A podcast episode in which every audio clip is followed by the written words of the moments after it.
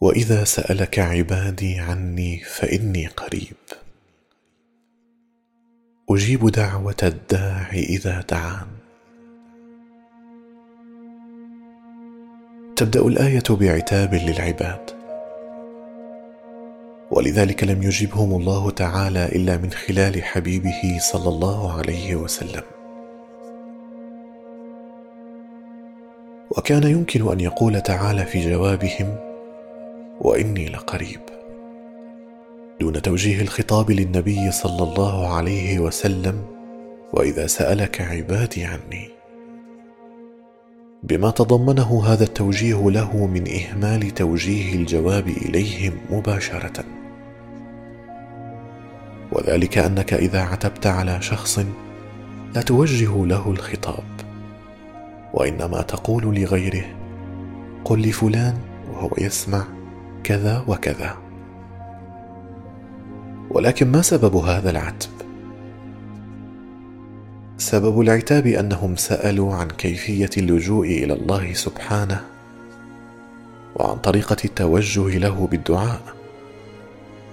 ومن عرف الله تعالى بالإيمان به فهو قد عرف أن ربه أقرب إلى قلبه من قلبه. وأنه سبحانه أسرع إجابة من سماع أذنيه لنداء نفسه. فكيف يسأل المسلم بعد ذلك عن سبيل الوصول إلى هذا الرب؟ وأن لا يعتب الله تعالى عليه هذه الجفوة أو الغفلة. ولذلك كان هذا العتاب ألذ عتاب.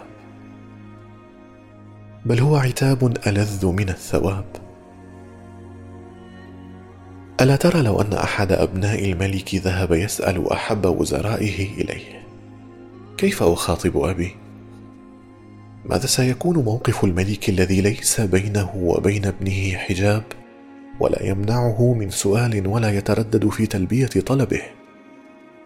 ألن يعتب عليه بقوله للوزير في محضر الإبن ومسمعه يا وزيري قل لابني هذا أني لم أكن يوما محجوبا عنه ولا تأخرت يوما عن إجابته.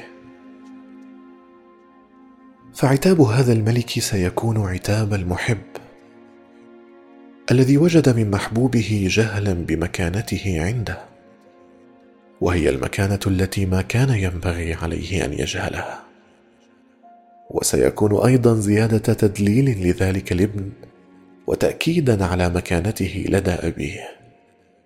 حتى إنه عتب عليه جهله بقدره وبحبه عنده. وكذلك الشأن مع الله تعالى. فهو عتاب السيد الذي أحب عبده المسلم وعرفه بنفسه وبمكانته عنده. فكيف يسأل عن سبيل تحصيل مراده من رب هو من كان قد أنعم عليه بالتعرف على قربه منه وسخائه عليه. ولم ار كلمة عبادي في سياق هي ألذ وأحب من هذا السياق. فكأنها قد تلبست بمعنى كلمة أخرى هي أحبابي هي أحبابي. ولذلك كله فإذا سئلتم من هم أشد قطاع الطريق ظلما واعتداء؟ فقولوا هم الذين يقفون في طريق الناس ويقطعون ما بينهم وبين رحمة ربهم.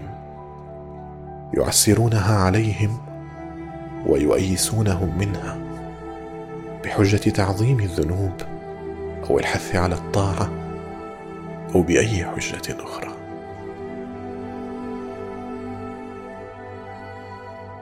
بقلم الشريف حاتم بن عارف العوني.